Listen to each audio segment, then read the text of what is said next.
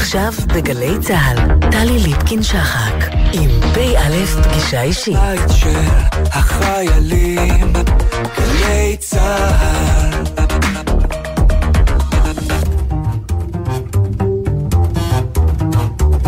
שלום לכם, שבוע טוב, פ"א פגישה אישית משולשת הערב בסופו של שבוע על סיפו של שבוע חדש בין מה שהיה למה שיהיה, כשהאובך שכיסה את השמיים, התרעת זיהום אוויר ושרפות, פרוס כמו שמיכה מחניקה, משגר באמצע נובמבר אותות אזהרה ליושבי כדור הארץ. ואצלנו מניין קורבנות בתאונות דרכים, אלימות ועבודה עלה השבוע. הלילה נרצחה בבאר שבע צעירה בת 18, בת 18, על פי החשד בידי גבר אלים, שרק לאחרונה שוחרר מאוד מאסר שריצה בגין אלימות, רכוש וסמים.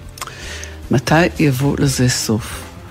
ומתי יבוא סוף לאלימות בשטחים, עוד סוף שבוע של התנגשויות בין מתנחלים ופלסטינים לרגל מסיק הזיתים, ובמסגרת המלחמה על הקרקע והמים והזכות לחיים. והצבא, גם המשטרה, עדיין לא ממש מצליחים להפריד בין הניצים למנוע התגרויות ותגרות. פא על סיפו של שבוע חדש בבית משפחת רימון בשדרות, שם ייחלו לנס, התקבל מידע בשעה האחרונה לפיו בנם ינאי, בן 25, שנפל לגעש הנהר במקסיקו על גבול גואטמלה, נמצא ללא רוח חיים, והלב בוכה איתם. פא פגישה אישית משולשת, מתחילים.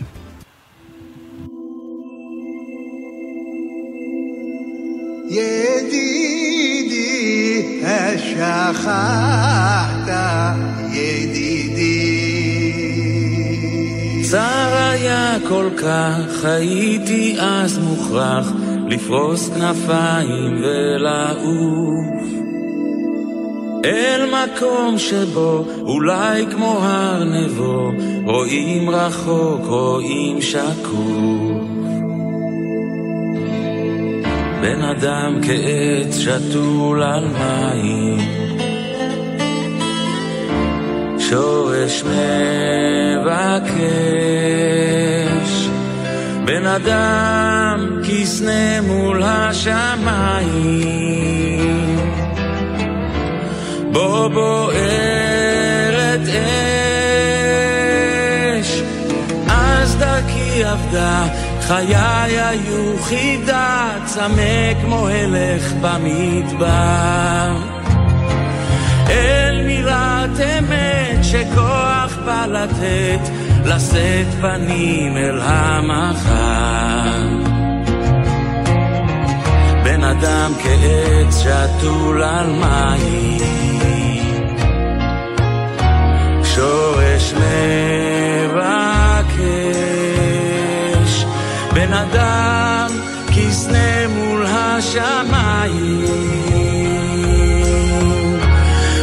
יצאתי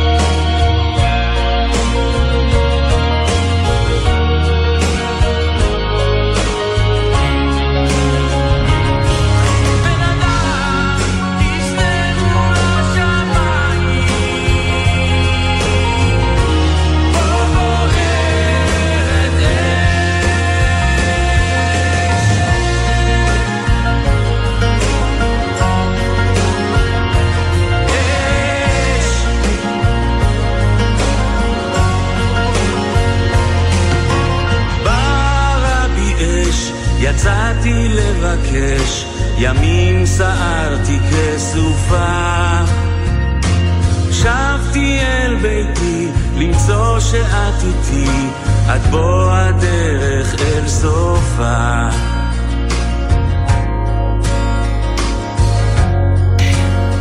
בשבוע הזה שנגמר צוינו 71 שנים למבצע מרבד הקסמים, במסגרתו הועלו בשנים 49-50 כ-50 אלף מיהודי תימן ארצה ברכבת אווירית, במבצע שנקרא ונודע כמרבד הקסמים, אם כי שמו גם על כנפי נשרים, וגם אה, מבצע ביאת אה, המשיח.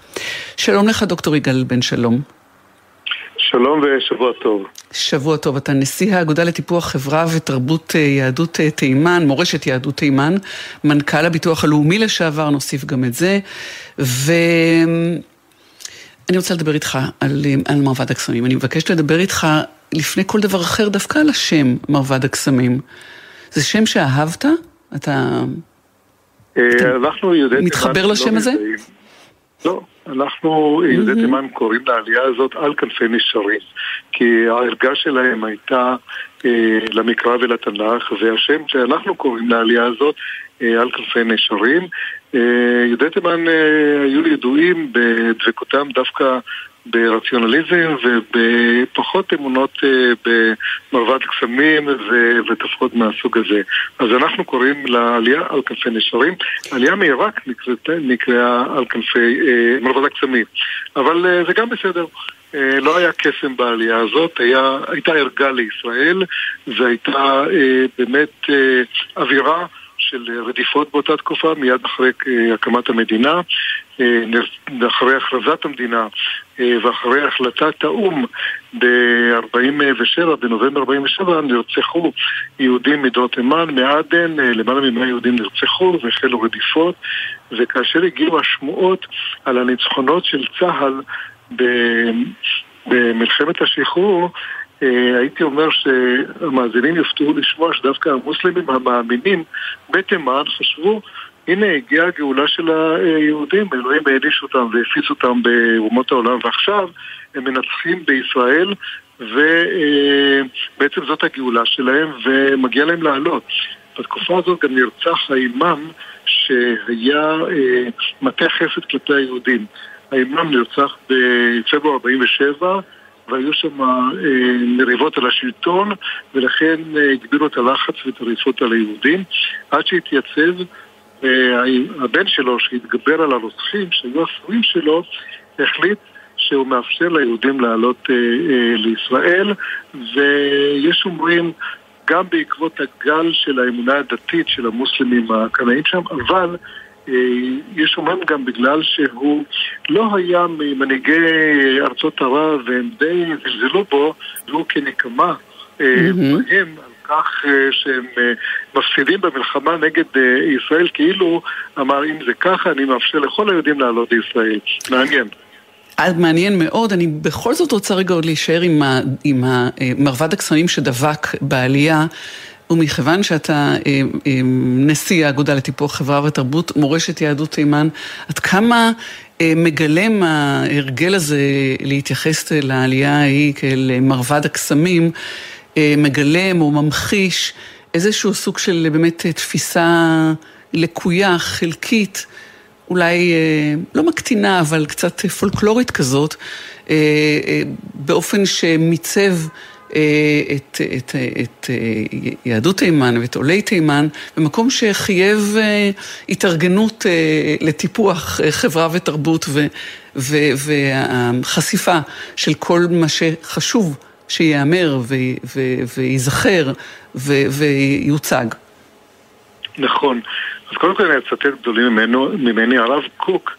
הרב קוק, עוד כשעלו יהודי תימן, אגב, היו חמש עליות של יהודי תימן, העלייה הראשונה ב-1881, לפני עליית הבילויים, הם היו חלוצים, לאחר מכן ב-1902-1903 רופין ביקש להביא אותם במקום הפלאחים הערבים, אחר כך הייתה עלייה של נקראת יבניאלי. יהודי תימן הקימו מושבות והקימו שכונות, למעלה מ-150 שכונות ומושבות בישראל. אתה רוצה לומר שהם היו חלוצים, גם הם היו בחלוצים. לגמרי.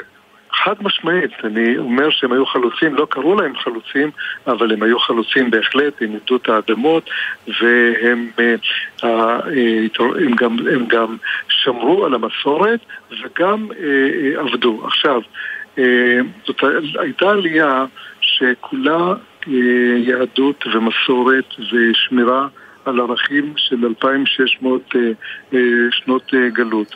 זו לא הייתה עלייה של קסמים, זו הייתה עלייה של מצד אחד אמונה ודבקות ברצון לעלות לציון, ומצד שני עלייה בעקבות רדיפות. למשל, אה, לפני העלייה ב-48' הייתה עלילת דם קשה מאוד לתימן, האשימו את היהודים ברצח של שתי נערות מוסלמיות. מה שלא היה, והכניסו את מנהיגי היהדות אה, בתימן לבית סוהר, ורק אחרי כופר אה, גדול מאוד שחררו אותם. אז העלייה לא פסקה מתימן אגב, גם ב-1860 הייתה עלייה מתימן. הגענו לארץ והתייחסו ליהודי תימן אה, בהיבטים של אה, מסכנים וחולים וצריך לרפא אותם. אפילו הייתה אמירה אה, קשה מאוד ברחובות כשהיו אה, למעלה ממאה מיהודי תימן שנפטרו ממחלות. בחברה קדישא אמר הקברן, בגלל עלויות הקבורה עדיף היה כבר לרפא אותם מאשר אה, לגבור אותם. היו, mm. היו אמירות קשות מהסוג הזה, כן. שאני אציין שאנחנו כאגודה לטיפוח חברה ותרבות החלטנו לקחת את הנושא הפולקלוריסטי שיהודי תימן היו ידועים במאכלים ובשירה ובזמרה וגדולי הזמרים ולקחנו את זה למקום האמיתי של כל הנושא של הפילוסופיה, המדרש, השירה, הפיוט שהיה בתימן וזה מה שאנחנו עושים כרגע. הקמנו קורסים באוניברסיטת בר אילן ומדברים על הפילוסופיה שהייתה בתימן ואני רוצה לציין שהיה אסון בזמן העלייה, אסון שני לכתבי היד של יהודי תימן. האסון הראשון היה בשנת 1679, המוסלמים בעקבות uh, תנועת משיחיות של שבתאי בן צבי, של שבתאי צבי, שהגיע לתימן ב-1666, הייתה איזו תנועת משיחית בתימן של יהודים, והמוסלמים החליטו להגלות אותם, והגלו אותם למדבר ולאזור שנקרא מאוזה, 40% מיהודי תימן אה, מתו בגלות הזאת ופיזרו אותם אה, אה, בכל תימן. בלחץ ראשי השבטים החזירו את יהודי תימן, אבל הם מצאו את בתי הכנסת שרופים ואת כל כתבי היד שרופים וקרואים. אז זו פעם ראשונה שכתבי היד של גדולי. הפילוסופים בתימן הושמדו. הפעם השנייה זה היה בעלייה, לפני שהם עלו למטוס, אמרו להם אנשי העלייה, כלומר אנשי הסוכנות והג'וינט שבגלל שהמטוס אה, לא יכול לקחת אה, דברים כבדים הם צריכים להיפרד מכתבי הקודש שלהם וגם מהתכשיטים אה, ולצערי הרב כתבי הקודש הלכו לאיבוד והמון המון כתבי יד. לימים מצאו אותם בכל מיני ספריות בעולם, אחרי שהם נמכרו על ידי גורמים לא ידועים.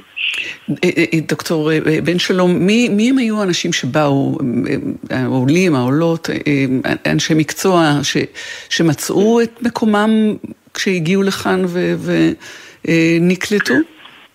אז העולים שהגיעו, קודם כל הייתה טעות בין ראשי היישוב שחשבו שהיהודי תימן הם חקלאים והם יחליפו את החקלאים הערבים.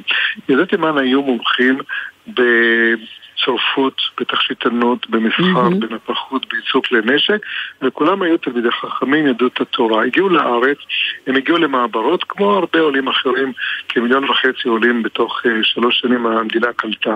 אז הם... Uh, בתחילה הם לא מצאו את עצמם משום שהם היו במעברות ואז כאשר הם צריכים להשתלב אה, בשוק העבודה, קודם כל היו צריכים להשתלב במקומות יישוב. לא תמיד אה, הם, הם שאפו להיות בירושלים, לא תמיד הם הגיעו לירושלים, בגלל מדינות הפיזור אה, של כן. המדינה. עכשיו, שני דברים נעשו. בוריס שץ מבצלאל עוד ב-1910 כלל 13 יהודים בבן שמן, והם לימדו סדנאות של צורפות את uh, תלמידי uh, בצלאל אז. ואם את זוכרת, גם רות דיין החליטה לקחת את הרקמה והקימה את מסכית. כל. זה היה מתוך כוונה להסיק להעסיק את יהודי תימן. אבל יהודי תימן לא מצאו את עצמם אה, בשוק העבודה משום שהם באו אה, כעצמאים, כצורפים, כתכשיטנים, והם אה, התפזרו אה, במושבות, ואני יכול לציין שהם אה, עבדו ככה, צטטים בירושלים, ירושלים בנויה מאבנים, אז הם מצאו את מעבודת ציטוט, ובאזור מטה יהודה, גבעת יערים, הם סיכלו את כל, ה, כל האדמות mm-hmm. ואת כל ההרים בגבעת יערים וסרלו כבישים. אגב, אני יכול לציין השבוע ביום שלישי, אני יחד עם יושב ראש קק"ל מציינים שדרוג של יער יהדות תימן, יער יהדות תימן כאן לפני 30 שנה, ושם אנחנו משדרגים את היער, יש שם סיפור של הקהילות שעלו מתימן והתיישבו ברחבי הארץ אז... באמצעות ברקודים, אפשר יהיה לטייל ביער ולראות את הסיפור. זאת אומרת עכשיו... דקה אחת, מכיוון שזמננו הולך ומתקצר, אני אומר כן. שההורים שלך הגיעו שניהם מתימן ב-1930 כילדים, הם הכירו בארץ. נכון, נכון. וקרובים אחרים שלך, אנחנו לא נוכל להיכנס לזה, אנחנו צריכים תכף להיפרד. אבא שלך עבד בשירות התעסוקה, הוא היה מאלה שקלטו את עולי 49, וגם היה ממייסדי האגודה לטיפוח חברה ותרבות, ששימש נשיא האגודה שאתה משמש עכשיו אה, נשיאה. אז נכון. מזה אני רוצה להגיד ולהגיע לסוף, אל השורה התחתונה, ברשותך, ולא הזכרנו את פרשת ילדי תימן, שהוא פצע פתוח בלי שום ספק, והוא מאוד ממחיש את הפער הגדול בין, בין המקום שמגיע ליהדות תימן לבין מה שבמשך שנים אה, זכו לו, אבל בשביל להגיע לקצה, אל השורה התחתונה, יש תיקון, דוקטור יגאל בן שלום? אה, יהיה תיקון על ידי זה שאנחנו, קודם כל אני חייב לציין משהו על אבא שלי שעלה בשנת ה-30 והשתלב באמת השתלב במדינה ולחם במדינה וכשירות התעסוקה הוא קלט את העולים אה, אה, מתימן כן. ודאג שיעבדו. אה, הנושא של ילדי תימן הוא קרוב, אין תיקון לו. אין תיקון, אני הייתי באוסטרליה כאשר ראש ממשלת אוסטרליה התנצל בפני האבוג'ינים mm-hmm. על עוול שנעשו להם. עד שלא יקום מנהיג בישראל, ראש ממשלה או נשיא המדינה והתנצל על מה שנעשה והוכח, אין תיקון לפרשה העגומה, הקשה של חטיפת אה, ילדי אה, תימן.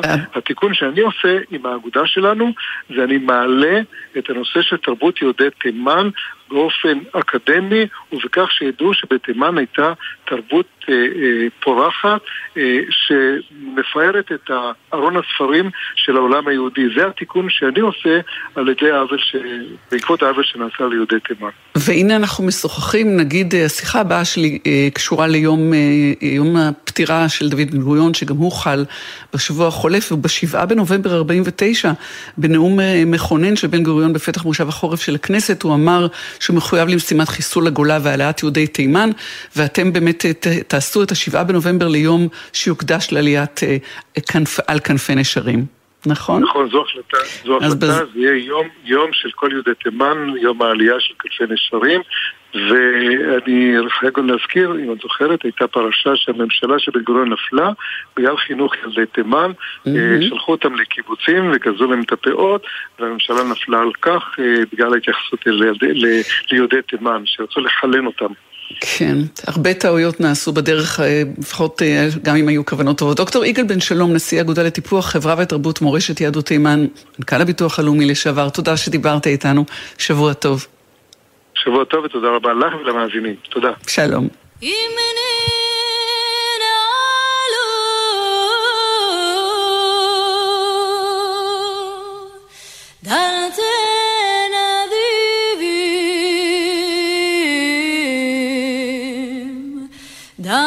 te maro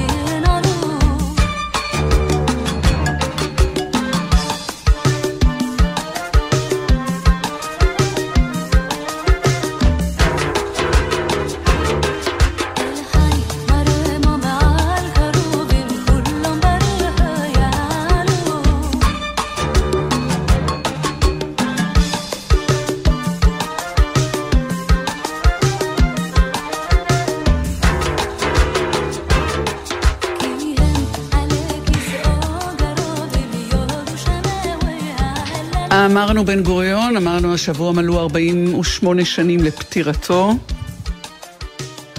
השבוע הושק מרכז בן גוריון בבית בן גוריון בתל אביב. נלי מרקמן, שלום לך. שלום וברכה, ערב נעים, שבוע טוב. שבוע טוב לך, נלי מרקמן, מנהלת בית בן גוריון. אנחנו בדרך כלל אה, מדברים במונ... בתל אביב כמובן, יש את uh, שדה בוקר, אבל אנחנו מדברים על תל אביב, נכון. גם על המרכז uh, שאבן הפינה לא הונחה, שיעמוד אה, מעבר לבית עצמו, לבית הפרטי ב... שעומד בחזית. ב... בשדרות בן גוריון. אנחנו מדברים בדרך כלל היום במונחים של makeover או של שיפוץ, אנחנו נגיד רמונט. כיאה לתקופה שאותה שיפצתם בבית בן גוריון, בשדרות בן גוריון. אה, ונדבר גם אה, על הצדדים היותר, אה, נגיד, טכניים או, או פיזיים של מה יש שם או מה עשיתם שם כדי לחזור ולשמר ולתחזק את, את שימור התקופה ההיא, אבל בעיקר על המהות. ואני אשאל אותך, למה חשוב לשמר את בית בן גוריון, שהוא בית מגוריהם הפרטי של פולה ודוד בן גוריון, כפי שהיה פעם?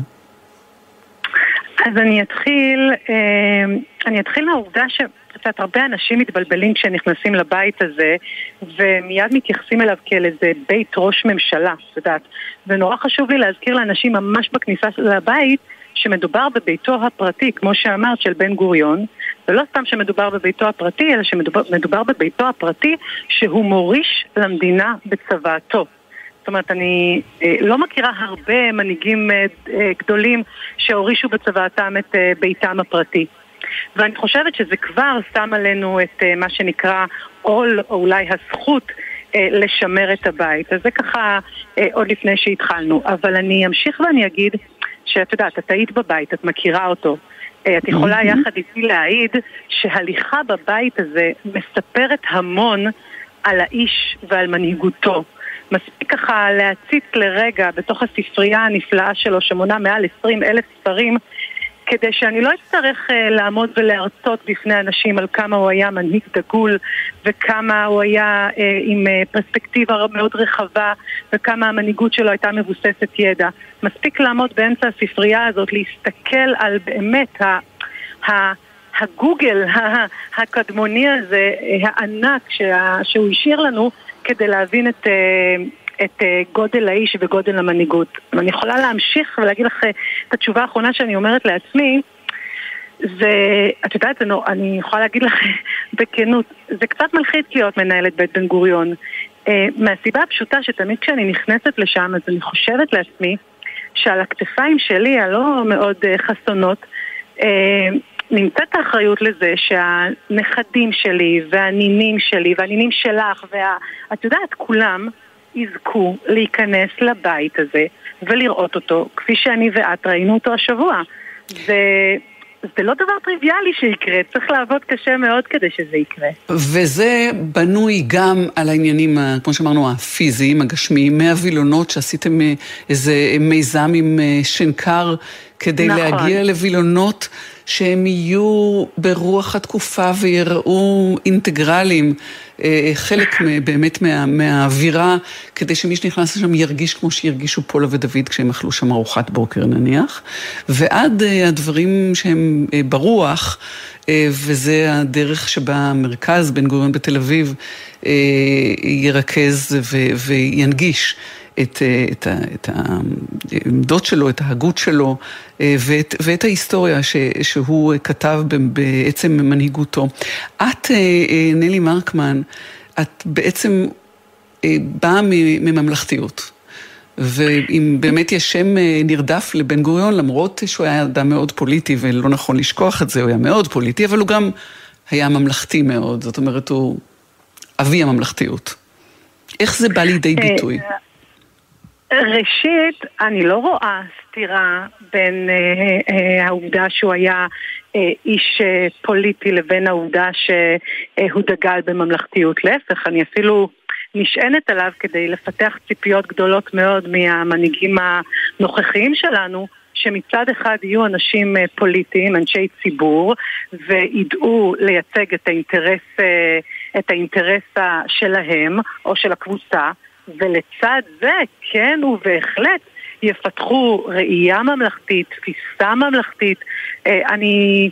אני מאוד מאוד מתעקשת לא לראות את הזירה הפוליטית ואת הרעיון mm-hmm, הממלכתי כזירות, mm-hmm. כזירות נפרדות. להפך, אני חושבת שהבית שלנו, אה, אני ככה מרשה לעצמי להגיד שלנו, אבל הוא באמת שלנו, של כולנו, אני חושבת שהוא מקום ש...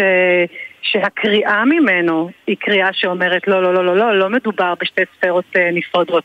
מדובר ב, ב, ב, ברעיון שצריך וחובה עלינו שהוא ינכח בכל המרחבים שלנו, כולל גם במרחב הפוליטי, לגמרי. את, את באה... כן, אני, אני, אני מחברת את זה לביוגרפיה שלך, אה, האישית גם, כי את, אה, את באה מקואליציית זוכרים את הרצח, שומרים על הדמוקרטיה, אה, מנהלת מחלקת ההדרכה של הצופים, אפילו איזושהי כתיבה של ספר לימוד באזרחות לכלל המגזרים.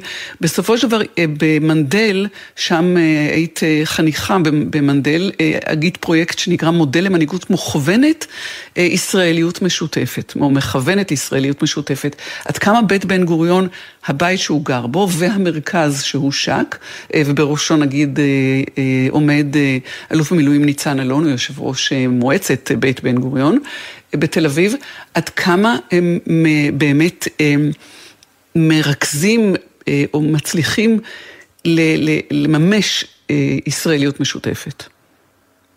קודם כל אני אגיד רגע שבאמת זכיתי. אני לא יודעת כמה... אה, אנשים זוכים אה, באמת באמת לעסוק במשהו שנמצא בנימי נימיהם, אבל אני באמת מגיעה לתפקיד הזה אה, מבחינתי ממש לא, ממש לא סתם, אני חותרת אליו, אני מייחלת לו, אני רוצה אותו ואני, ואני גם יודעת למה. אני חשבתי על זה היום ככה לקראת השיחה שלנו, על זה שאני חושבת שמגיל צעיר יש לי רצון עז בכל מרחב שאני נמצאת בו לחפש את המחנה המשותף. זה יכול להיות בחדר בין אנשים וזה יכול להיות כאזרח בתוך, או אזרחית בתוך החברה הישראלית. ואני חושבת שאת אה, צודקת כשאת אומרת שהביוגרפיה שלי ככה מביאה אותי אל, המקום הזה שנקרא ממלכתיות. אה, יש לי איזו הבנה גדולה שהולכת ונבנית בי בתוך השנתיים שלי של לימודים במנדל, שאם אנחנו לא נלמד להתרומם אל מרחב שהוא אה, מעל למרחב הזהויות שלנו, הפרטיקולריות, וננסה למצוא איזה מעוף ציפור שממנו אנחנו מצליחים להתלכד סביב איזה אה, אה, אינטרס אה, ציבורי, אנחנו פשוט נחדל להיות במובן המאוד... אה, במובן המאוד אה, יומיומי של הדברים. ואני באמת אה, שוקדת כמעט שנתיים על פיתוח של תהליך פדגוגי שמנסה לקחת אנשים בעלי זהויות שונות ואינטרסים שונים ולהושיב אותם בחדר ובאמת לפתח בהם את מה ש... אה, גוריון במוס... אה, אה, כינה במושג תפיסה ממלכתית, ואם את ככה נכנסת לתוך הרעיון הזה שהוא מעבר למושג, שאגב את המושג בן גוריון ממציא, הוא מייבא אותו mm-hmm. מרוסית. אבל אם את הולכת אל מעבר רק להגדרה על המושג ממלכתיות ואת מבינה שהוא בעצם מדבר על משהו שהוא תודעה אזרחית משותפת. בן גוריון מבין, אני, אני, אני מאוד אוהבת להגיד עליו, שהוא ראה דברים שאחרים ראו אחר כך. זה אומר שכשהוא רוצ... מבין שצריך להקים מדינה, אז הוא מבין, אגב, כמו הרבה אחרים, שצריך אה, אה, קרקע ושצריך כסף ושצריך נשק ושצריך הכרה בינלאומית, אבל הוא מבין עוד משהו. הוא מבין שצריך לייצר עם, ליצור עם. עכשיו, אנחנו עם, אנחנו העם היהודי, אנחנו פזורים בכל, בכל העולם, אבל הוא מבין שאנחנו לא מתורגלים להיות בעלי בית ושאין לנו תודעה ריבונית של לנהל יחד חברה אה, אה, שהיא משותפת. וכשהוא חושב על זה, וכשהוא מבין את זה, הוא מבין שלייצר תודעה משותפת לעם בתוך מדינה שהוא צריך לקחת עליה אחריות ולנהל אותה, זה לא סיפור פשוט. והוא גם מבין שאם הוא לא יעשה את זה, אנחנו ככל הנראה לא נצליח להתקיים. ואז הוא הוגה את רעיון הממלכתיות, שלימים, כמו שאמרת, אה, אנחנו בונים מרכז שכל כולו, התמה המרכזית שלו, תהיה ממלכתיות ותקרא לתודעה אזרחית משותפת. אז עכשיו את תגידי לנו, נלי מרקמן, בבקשה, ככה ברשימת מכולת שכזו, מה יהיה במרכז החינוכי, mm. או איך מנגישים את זה לצעירים, בדקה טוב. וחצי שיש לנו. בדקה וחצי שיש לנו. אז קודם כל, אה, את מכירה את הבית, הוא מאוד מאוד מאוד מרגש. אבל הוא לא טכנולוגי, ואני חושבת שהמורשת של בן גוריון, בטח זו שדיברתי עליה עכשיו, אה, חייבת להיות מונגשת לאנשים אה, צעירים, טכנולוגיים, שהמסרים מועברים אליהם בצורה מהירה, חדה, טובה, יצירתית וחדשנית. אגב, בדיוק כמו שהיה הזקן. כן. ולכן בחרנו למתודה מאוד מאוד מעניינת. אנחנו לוקחים את ההכרעות הגדולות של בן גוריון מהקמת המדינה, דרך השילומים, דרך ההשקעה באקדמיה, הרבה מאוד החלטות מאוד כבדות משקל, ואנחנו נותנים אותם אה, לאומנים מאוד uh, מגוונים, מאוד יצירתיים, שיפרשנו אותם וייתנו להם פרשנות. Uh, uh, והרעיונות שלהם לפעמים בצורה טכנולוגית, לפעמים לא, יבואו לידי ביטוי במרכז החדש, שאני נורא נורא נורא מחכה לו כבר. מתי המרכז החדש ייפתח אחרי שהונחה אבן הפינה? מתי הוא יתחיל אה, לפעול? אני מאוד מאוד מאוד מקווה ש... אה, אה, שהמוזמן הראשון ייכנס בשערי הבית הזה, או המרכז הזה, בעוד שלוש, שלוש וחצי שנים.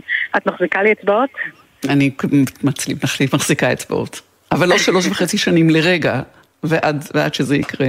נלי מרקמן, מנהלת בית אה, בן גוריון בתל אביב, תודה לך על השיחה הזאת, שלום ובהצלחה. שבוע טוב. תודה, תודה, תודה טלי. שבוע שלום. טוב לכולם. ביי.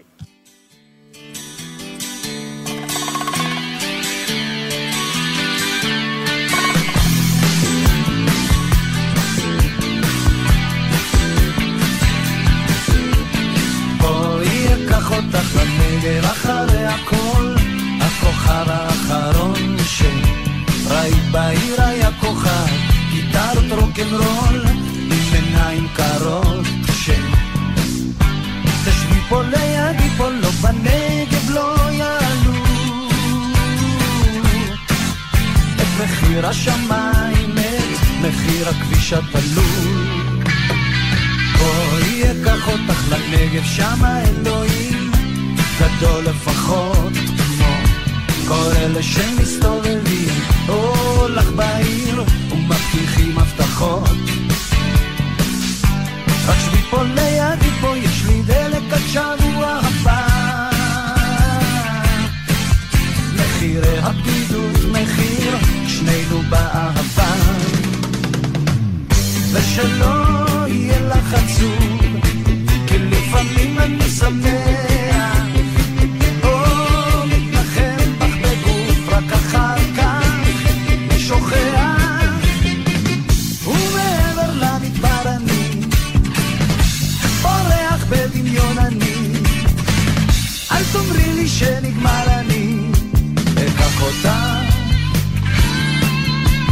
אקח אותה. בואי אקח אותך לנגב, גם סרטי חצות נגמרים שבחוץ קר. איש לא הבטיח לך ושם עצוב פחות מזה שבכית כבר. שבי פה לידי פה חתולים מחשבים את קיצם לאחור אם תעשי כמותם, לא לא נגיע רחוק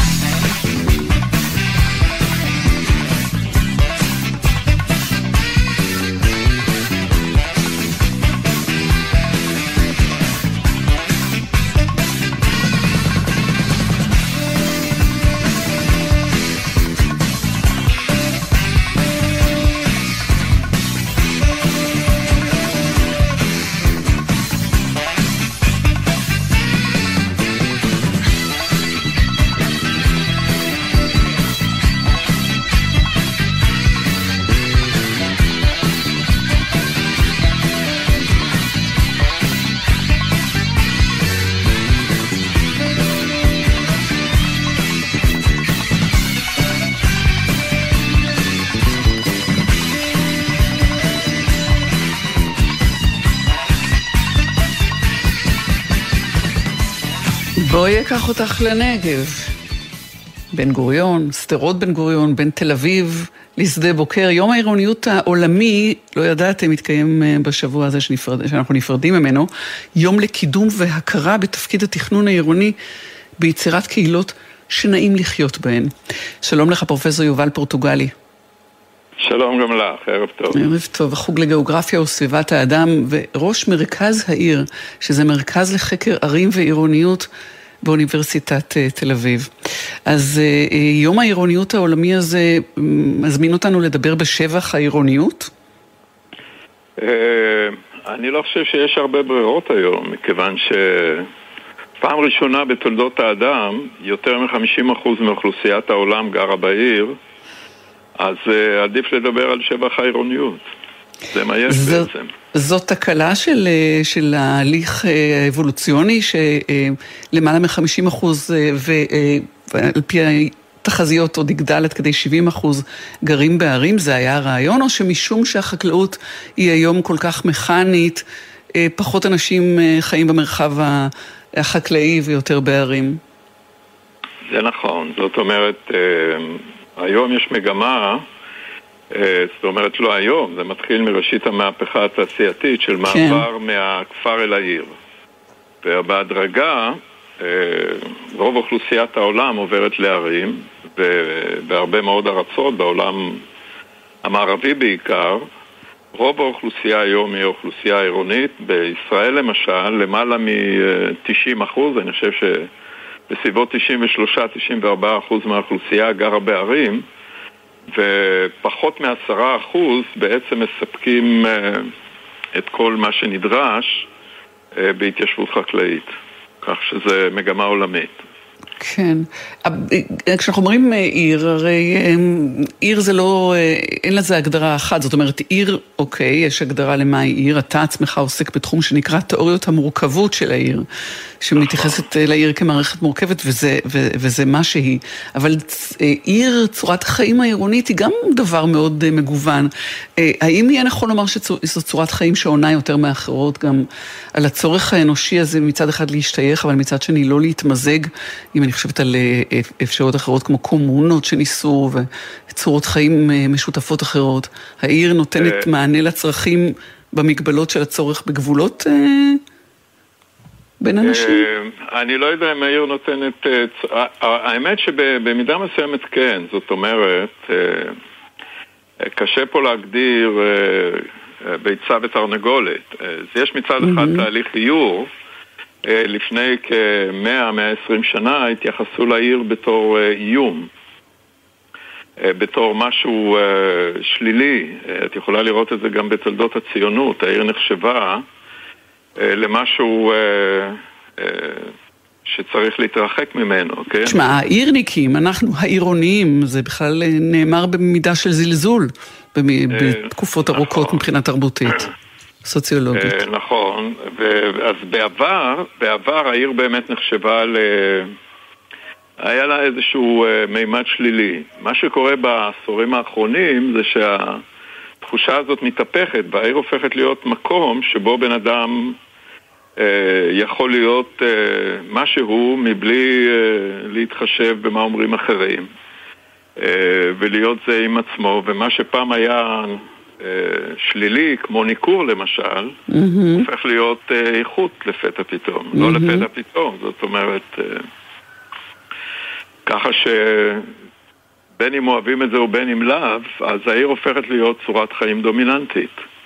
ואנשים, כן. בני אדם הם יצורים סטגלניים, אז הם לומדים לחיות עם זה ואפילו לאהוב את זה. ו- ופה נכנסת השאלה באמת של איזה עיר, ואיך מתאימים עיר ל- ל- לאוכלוסייה מגוונת, או איך האוכלוסייה המגוונת מכתיבה את העיר, את אופי העיר. אה, כן, תראי, האוכלוסייה, אה, האוכלוסייה במידה רבה בוחרת את העיר. אם תסתכלי על ישראל, אה, תראי שאוכלוסייה צעירה מכל חלקי הארץ אה, כן, מסיימת את התיכון, הולכת לצבא, מסיימת את הצבא ונוסעת לתל אביב. אה, בתל אביב אה, היא עיר שמושכת הרבה מאוד צעירים ויש לה אופי מיוחד והיא הופכת להיות במידה מסוימת אני מדבר על תל אביב וגוש דן בכללותו, הופכת להיות איזשהו מרכיב חברתי בחברה הישראלית, מאוד דומיננטי. ועדיין יש את הערים המרוחקות יותר, ודיברנו על דוד בן גוריון קודם, אז בואו נדבר על פריפריה ועל ערים שם.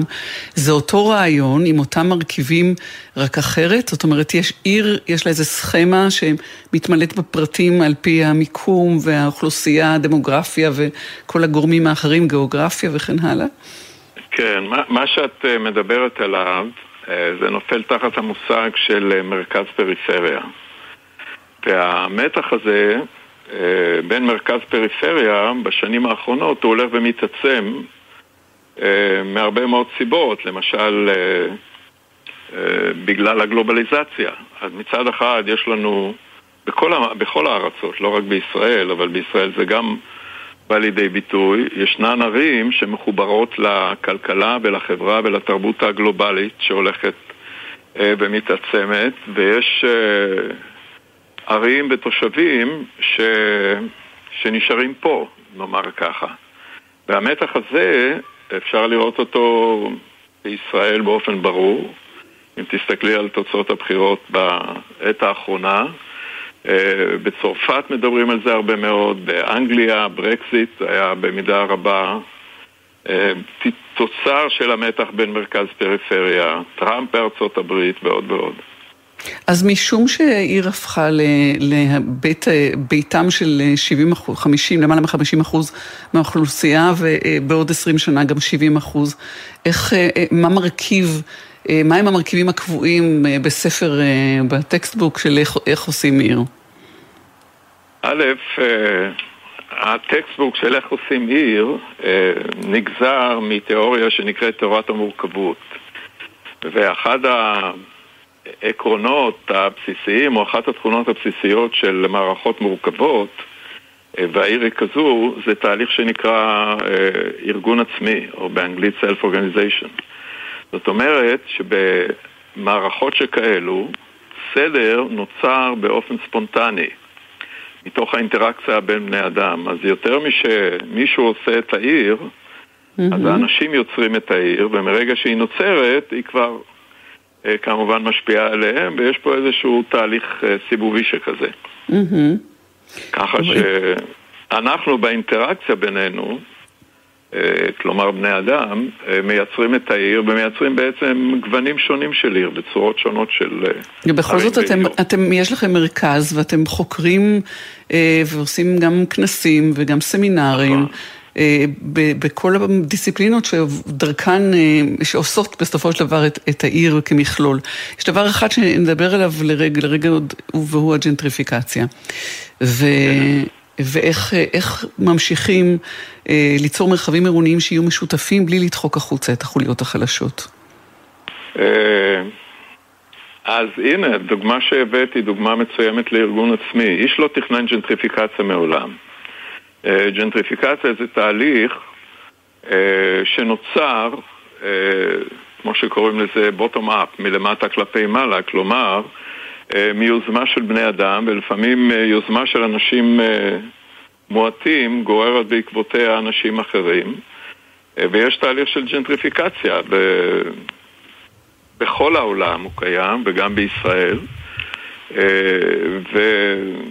ובין אם אנחנו אוהבים את זה ובין אם לאו, בהרבה מאוד מקרים תהליך הג'נטריפיקציה דוחק ממרכז העיר את האוכלוסיות החלשות.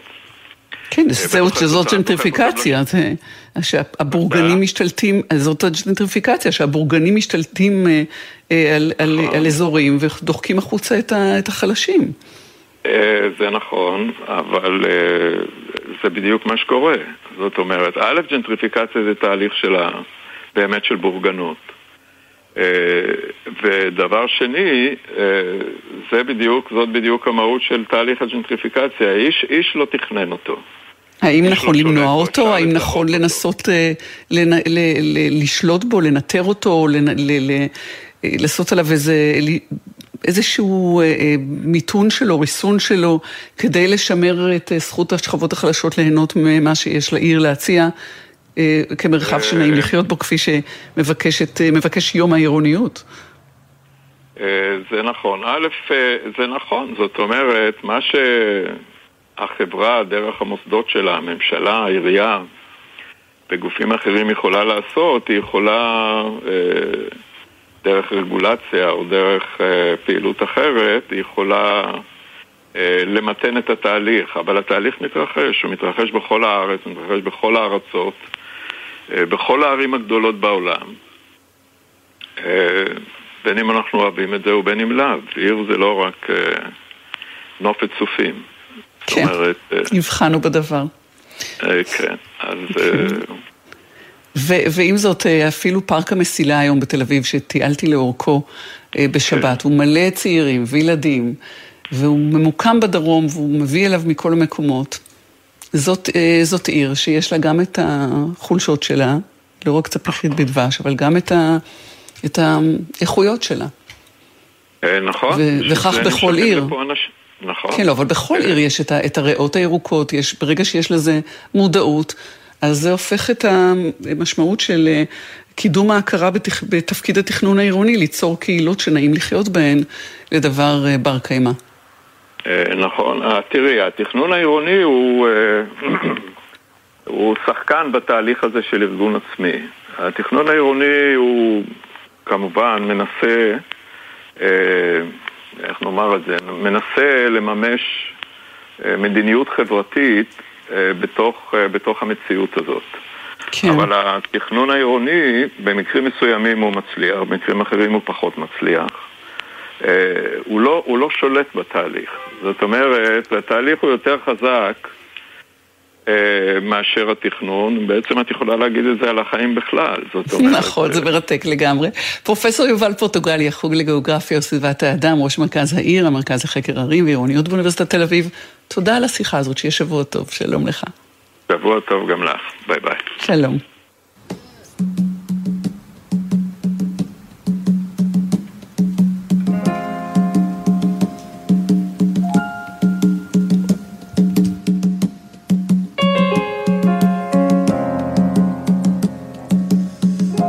שקיעה ורודה בין הגגות.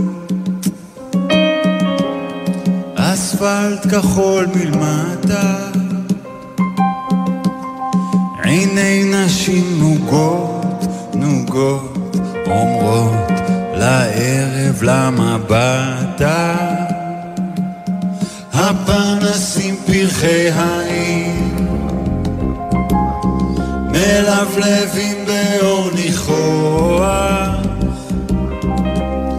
אביב חשמל עצוב בעיר משיכרונו אסור לברוח. הוא רק יתום ורק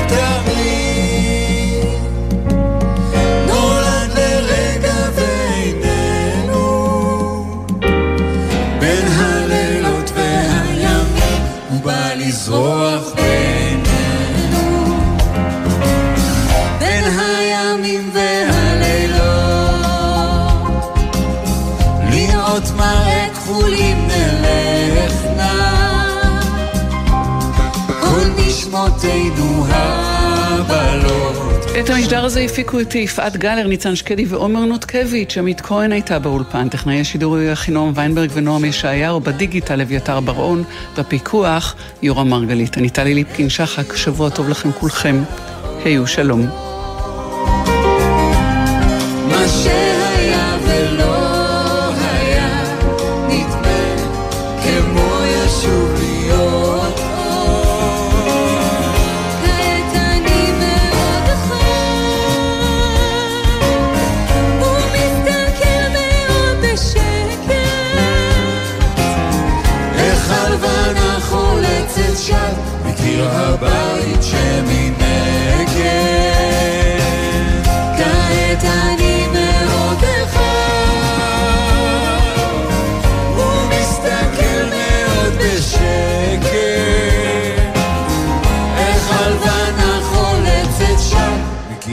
bay che mi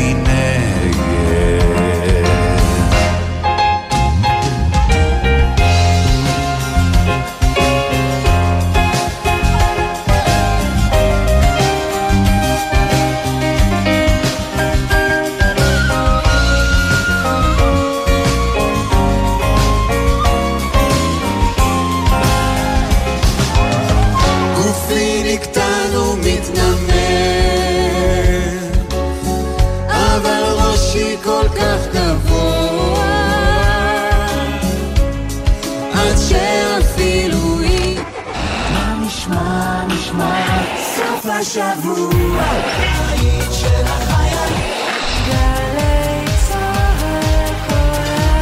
גלי צה"ל, יותר מ-70 שנות שידור ציבורי. כיצד השתנו כללי המשחק של התרבות הפוליטית? מדוע בננה על קיר נחשבת ליצירת אומנות? ומה הקשר בין המהפכנית רוזה לוקסמבורג לשאול המלך? אתם סקרנים? אנו מזמינים אתכם ללמוד בקורסי האסכולות של האוניברסיטה הפתוחה לקהל הרחב, באולמות או בזום. 1-700-700-169 שלום, כאן ארטיום דולגופיאט, זוכה מדליית הזהב במשחקים האולימפיים בטוקיו. לפתוח עסק משלך, לטייל סביב העולם, או לזכות בזהב במשחקים האולימפיים. לכל אחד ואחת מאיתנו יש איזה חלום. אז אל תיתנו לי שום דבר להרוס אותו. שתיתם אלכוהול? תנו לנהג תורן את המפתח, כי כדי להגשים חלום בחיים, צריך לשמור עליהם. אפשר לנצח את תאונות הדרכים. הרלב"ד מחויבים לאנשים שבדרך. גלי צה"ל והתיאטרון הלאומי הבימה במופע מיוחד לזכרו של השחקן והבדרן דודו דותן במלאת 20 שנה למותו. זה באמת נורא נורא לא נעים לי, אבל מה אפשר לעשות? אז אדוני תרים את הידיים ותביא את הכסף. משתתפים רבקה מיכאלי, גילה אלמגור אגמון, מיקי קם, חני נחמיאס, רוני דלומי, יונית שקד גולן ועוד. ניהול מוזיקלי גיורא לילנברג. מנחה יואב גינאי. שישי, 11 בבוקר בתיאטרון הבימה, ובקרוב בגלי צה"ל. מיד אחרי החדשות, רבית הכט.